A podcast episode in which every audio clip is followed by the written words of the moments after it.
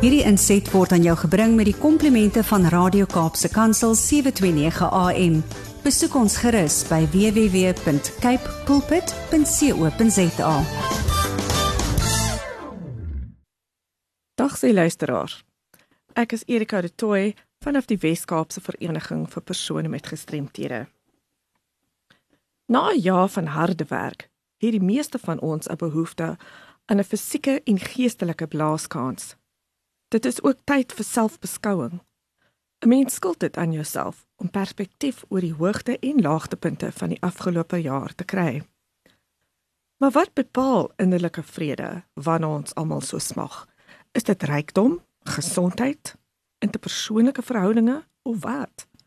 Hoe maak 'n mens byvoorbeeld vrede met trauma wat die afgelope jaar oor jou lewenspad gekom het? Watter benadering lei tot positiewe denkrigtings? Is 'n gesonde uitkyk iets wat 'n mens kan aanleer? Volgens kundiges beskik elke mens oor die vermoë om soms goeie en ander tye minder aanvaarbare denke te koester. Die uitdaging lê glo daarin om die twee uiteenlopende eienskappe tot voordeel van jouself en ander mense aan te wend. Iemand sê onlangs aan my: As 'n mens innerlike vrede gevind het, mors jy nie tyd en energie om soos ander mense te probeer wees nie. Om beheer oor jou omstandighede te neem, bly egter 'n uitdaging, maar behoorlike selfbeskouing kan 'n groot verskil maak.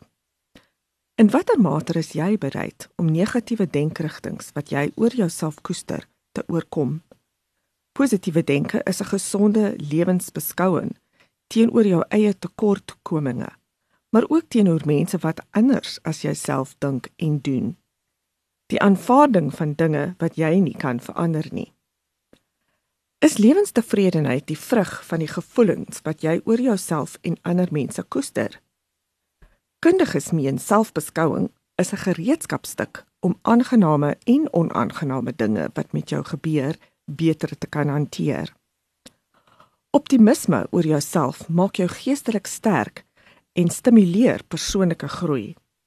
As ons dit nastreef, sal ons heel waarskynlik kan glimlag ondanks teleurstellings wat op ons pad kom.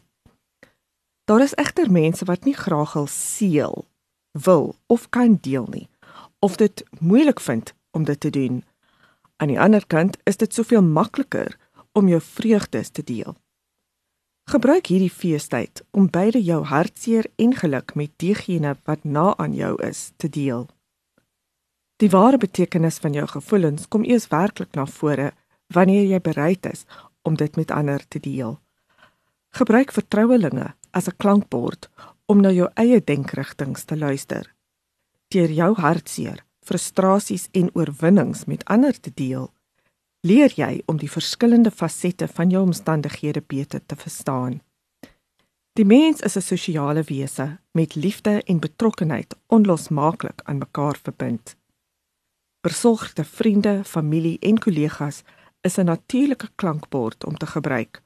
Die vraag is, doen ons dit? Uit die gestremde se perspektief die gebrek aan geleenthede tot volle integrasie weerhou talle mense met gestremthede van ware geluk. Onvoorwaardelike aanvaarding bied aan die mens veiligheid en identiteit. Die ontwikkel en versterk eie waarde, 'n doel om voor te lewe. Gestremdes moet soms nog veg teen vooroordeele en om nie as slagoffers van hul omstandighede gesien te word nie. Die algemene ingesteldheid van mense rakende gestremdheid bemoeilik die kweek van positiewe denkrigtings. Is dit dalk die rede waarom sommiges dit so moeilik vind om die trauma te verwerk?